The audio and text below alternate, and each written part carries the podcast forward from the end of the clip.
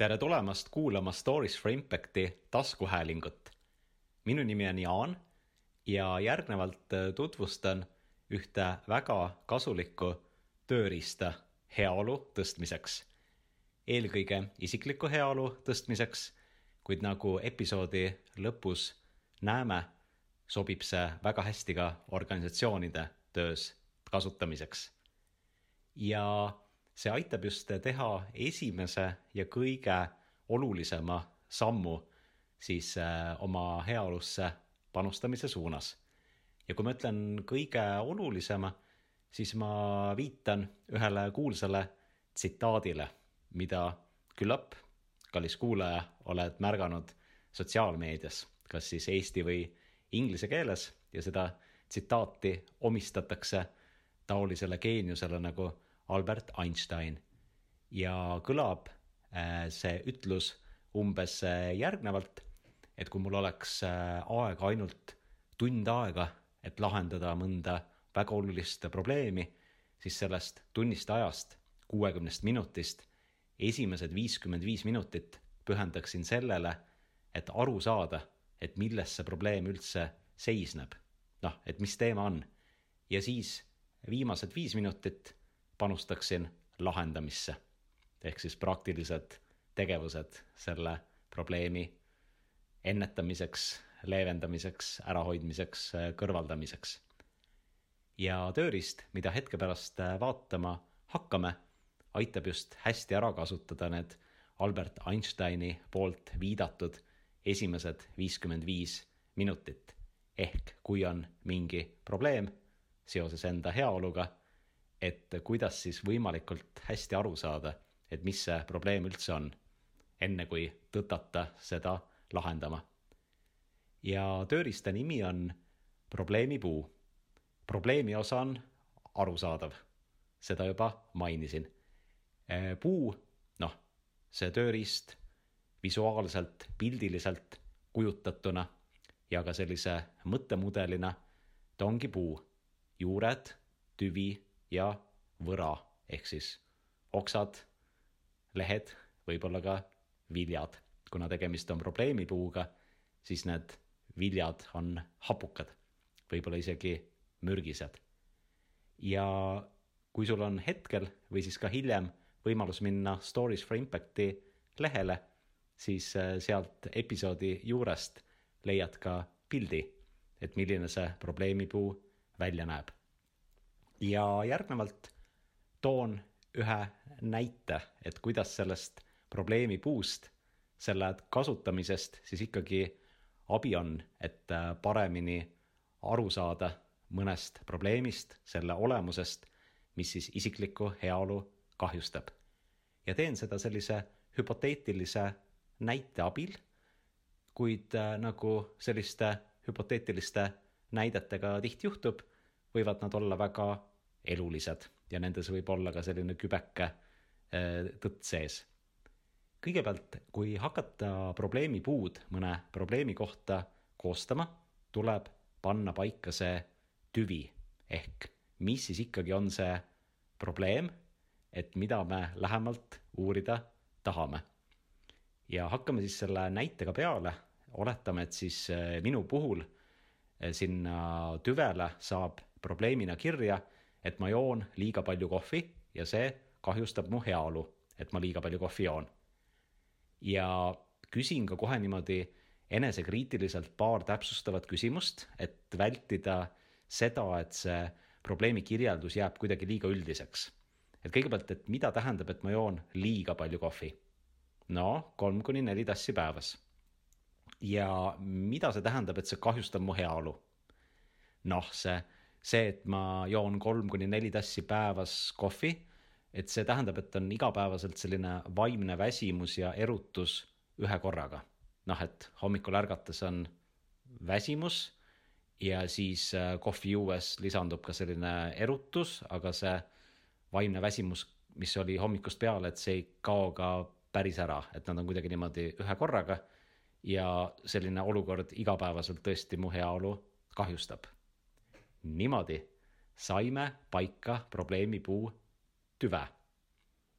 Läheme kõigepealt näiteks juurte juurde. ja probleemipuu juurte mõte on siis selles, et me ükshaaval toome välja, et millest see probleem siis meie arvates, meie teada põhjustatud on. ja probleemipuu koostamisest on eriti palju kasu siis, kui me läheme nende juurtega võimalikult äh, sügavale. ja kui nüüd tuua mõned äh, ka näited, et äh, kui näiteks mina hakkan vaatama, et okei okay,, sain paika, et joon liiga palju kohvi ja see kahjustab mu heaolu. et mis need juurpõhjused siis on? no oletame, et üks juurpõhjus on näiteks, et ma magan keskmiselt alla seitsme tunni ööpäevas. olen mobiili ja äpi abil mõõtnud ära, et nii on. Tahaks, et oleks rohkem, aga ei ole. alla seitsme tunni ööpäevas. ja siis omakorda saab minna selle asjaolu juurte juurde, et miks ma siis nii vähe magan. noh, võib-olla on peres väike laps, ärkab öösiti tihti üles. või võib-olla on niimoodi, et õhtuti kuidagi see nutitelefon tuleb ise kätte. ja siis need uudised peaaegu et ise ilmuvad ekraanile ja siis ma vaatan ja vaatan ja vaatan ja portaale on ju erinevaid, neid saab ka värskendada, uudiseid tuleb juurde. Äh, mõnikord ka ei tule juurde, aga siis saab äh, vajutada ka nendele pealkirjadele, millele enne ei vajutanud, sest nad tundusid mõttetud. noh, ja siis juba on öösel kell kolm ja und paratamatult tuleb alla seitsme tunni ööpäevas. ja muidugi neid põhjuseid võib olla veel ja veel. ja tavaliselt on ka neid juuri mitu, näiteks antud juhul võib olla teine juurpõhjus sellele, et ma joon liiga palju kohvi ja see kahjustab mu heaolu. näiteks teine juurpõhjus võib olla see, et mu aju on ülekoormatud mitmekesiste paralleelsete tööülesannete tõttu. ja kui mõelda, et mis selle põhjus ometi on, näiteks see, et keskmiselt on päeva jooksul viis erinevat tegevussuunda või projekti, näiteks viie täiesti erineva seltskonnaga. ja see teob kaasa olukorra, kus lihtsalt on vaja teha natuke ühte asja, natukene teist asja, siis keegi võtab ühendust, siis on vaja mingile asjale reageerida, tekib uus võimalus, tekib mingi probleem, millele siis hakkan omakorda probleemi puud joonistama ja siis tekib järgmine probleem ja sellele on vaja probleemi puud joonistada, enne kui lahendama hakata, sest Albert Einstein ju ütles, et esimesed viiskümmend viis minutit tuleb äh, pühendada teemast arusaamisele, aga et kui need paralleelseid teemasid, millest aru saada on väga-väga suur hulk, siis see on ajule tohutu koormus. Aju väsib ja siis justkui nõuab kohvi ja siis ma annan talle seda. niimoodi, üks juurprobleem võib olla ka see, et kohvi joomine on osa suhtlusest ja nii-öelda kvaliteetajast. et kui ma veedan kellegagi kvaliteetaega, on need siis sõbrad või kolleegid, et siis seal kohvi käib alati juures. noh, sellel juurpõhjusel omakorda, juurpõhjus võibki olla see, et kõik sõbrad ja kolleegid, kellega suhtlen, joovad ka kohvi. Et võib-olla isegi mina teen otsuse, et täna ma olen puhanum, mul ei ole seda kolmandat kohvi vaja, kuid siis teeb sõber või kolleeg sellise solvunud näo pealelõunal. oot-oot, kas sa täna kohvi ei võtagi? noh, ja kuidas siis ei võta? ja viimase juurpõhjuse näitena võib välja tuua selle, et päeva esimene kohv ei anna lisaväärtust ja tagab vaid baasenergia. ehk siis, kust tuleb see liiga palju kohvi joomine, on see, et esimene kohv ongi mõttetu, et see ei muuda mitte midagi. et selline mõnusam efekt, et üldse aju läheks lõpuks tööle, ongi võib-olla teise või kolmanda kohviga. ja selle asjaolu juurpõhjus võib olla näiteks see, et ma olengi kogu aeg tarbitava kofeiini kogust suurendanud. et kunagi oli päeva esimene kohv superkogemus ja andis lennuvõime, lennuenergia kogu päevaks. kuid siis, kui tekkis harjumus võtta ka teine kohv ja kolmas kohv, siis enam see esimene kohv sellist efekti ei anna. niimoodi, need olid siis mõned näited selle kohta, kuidas kaardistada probleemi puhul juurprobleeme ja siis omakorda nende juurprobleeme, juurikaid ajada sügavamale ja sügavamale. et mis need juurpõhjused siis ikkagi on. Kuid nüüd, kuna tegemist on näitega ja näidete mõte on sellel, et äh, tuleb liikuda kiirelt edasi, et äh, saaks kõik olulised asjaolud ära illustreerida, siis järgnevalt äh, illustreerime puu võra poolt ehk siis liigutame pilku ülespoole, vaatame kõrgele. ja selle probleemipuu võra moodustavad siis selle tüvele asetatud probleemi tagajärjed. et mis need siis on ja ka nende tagajärgedega on mõistlik minna nii kaugele kui vähegi võimalik, sest see annab meile olukorra kohta rohkem informatsiooni. meenutuseks siis see, et tüvel on siis probleemi kirjelduseks, et joon liiga palju kohvi ja see kahjustab mu heaolu. ja mis need, need negatiivsed tagajärjed siis on? noh, üks nendest on see, et mu energiatase sõltub kohvist. ja selle tagajärg on omakorda see, et kui on olukordi, kus kohvi pole parasjagu käepärast, ei jaksa midagi ära teha. ja mis on praktiline näide sellisest olukorrast, noh, oletame näiteks hommikune koosolek kuskil ja mina ei ole jõudnud hommikukohvi juua ja kohe, kui jõuan äh, kohale, siis vaatan niimoodi sellise lootusrikka kutsika pilguga kööginurga poole, et äkki sealt saab kohvi enne seda tähtsat koosolekut. ja sellele kutsika pilgule vastatakse teise süüdlasliku kutsika pilguga, aga meil see kohvinurgas, see kohviautomaat on remondis. et kahjuks meil kohvi täna ei saa aga äh, koosolekuruumis on sellist mõnusat jäävett. ja siis, mis edasi saab? koosolek, kõigil teistel läbirääkimiste partneritel on näiteks omad topsid aurava kohviga kaasas, nende pea lõikab, argumendid lendavad ruumi ühest otsast teise ja tagasi ka nagu bumerangid, kuid mina möh, möh, möh. ehk siis energiatase sõltub kohvist ja sellel võivad olla väga negatiivsed tagajärjed, eriti tööalaselt. niimoodi. teine näide tagajärjest võib olla see, et meeleolu sõltub äh, kohvist. esiteks olukordades, kus kohvi pole käepärast, läheb lihtsalt enda olemine väga nukraks, meeleolu nulli, elu tundub täiesti mõttetu.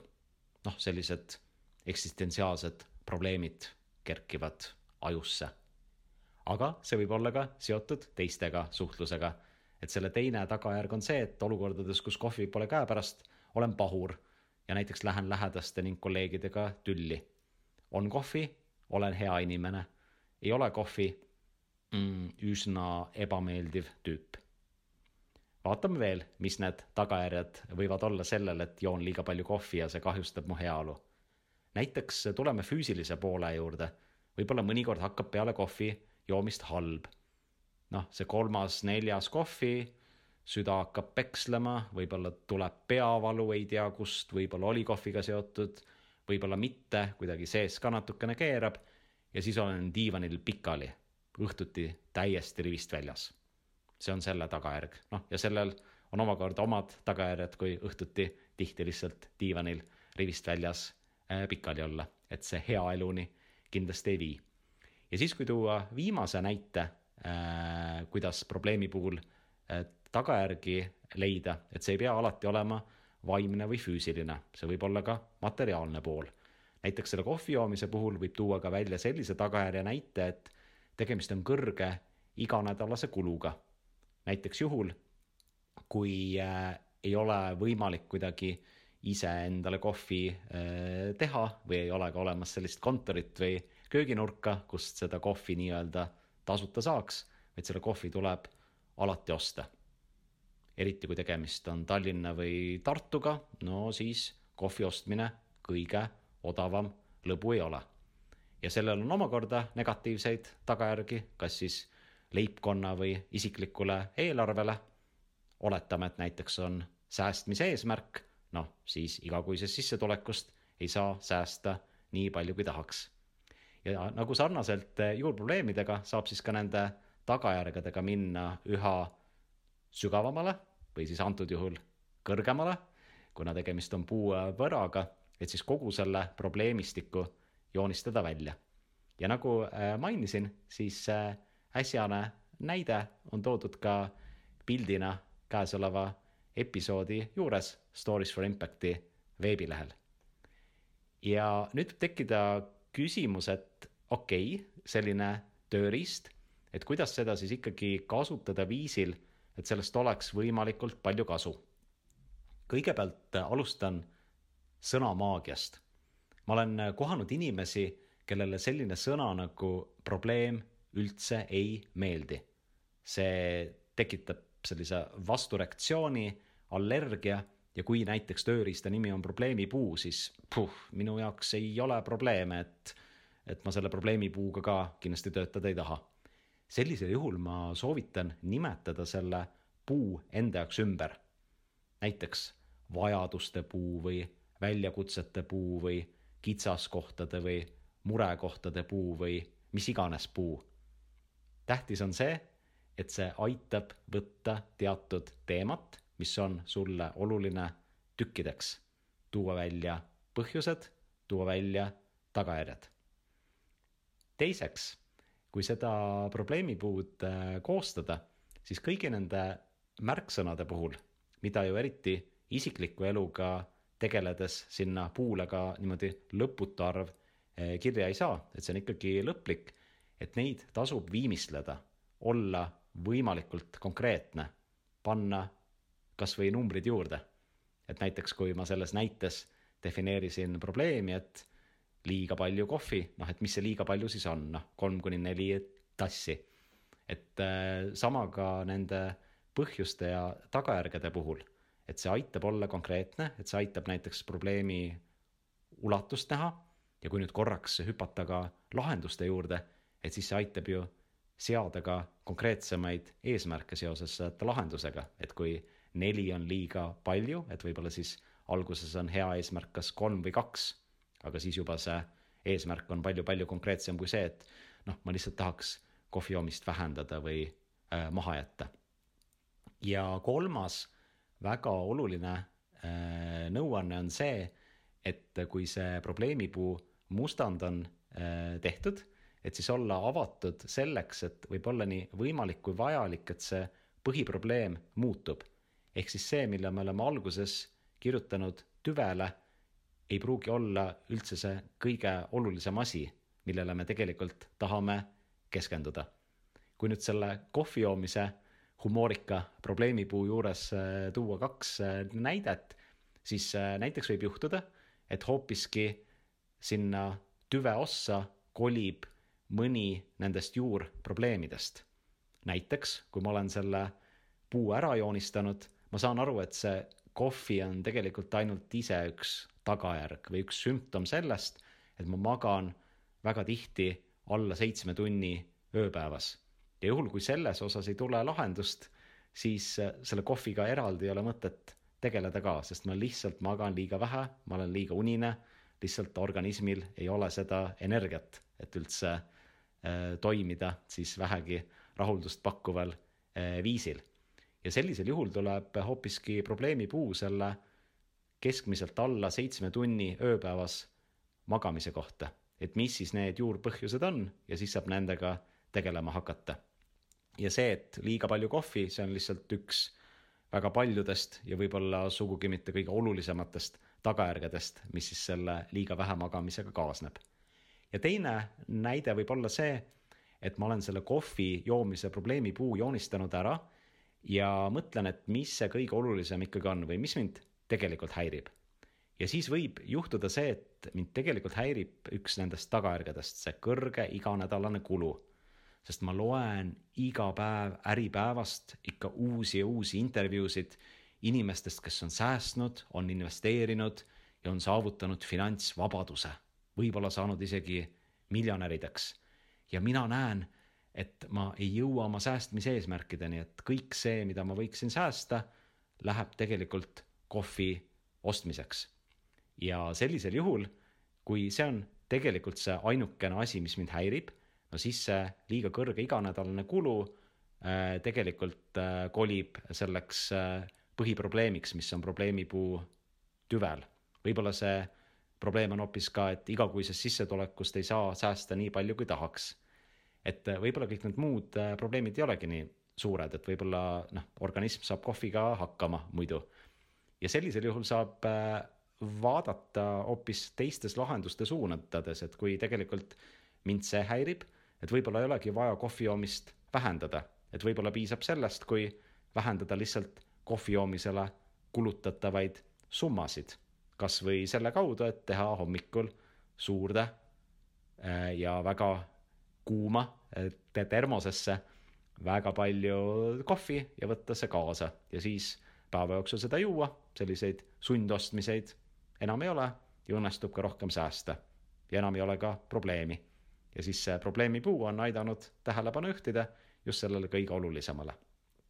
niimoodi, loodetavasti see veidikene lõbus, kuid samas väga argine näide aitas näitlikustada, et kuidas siis kasutada võimalikult hästi seda esimest viitekümmet viite minutit, millele Albert Einstein tähelepanu juhtis.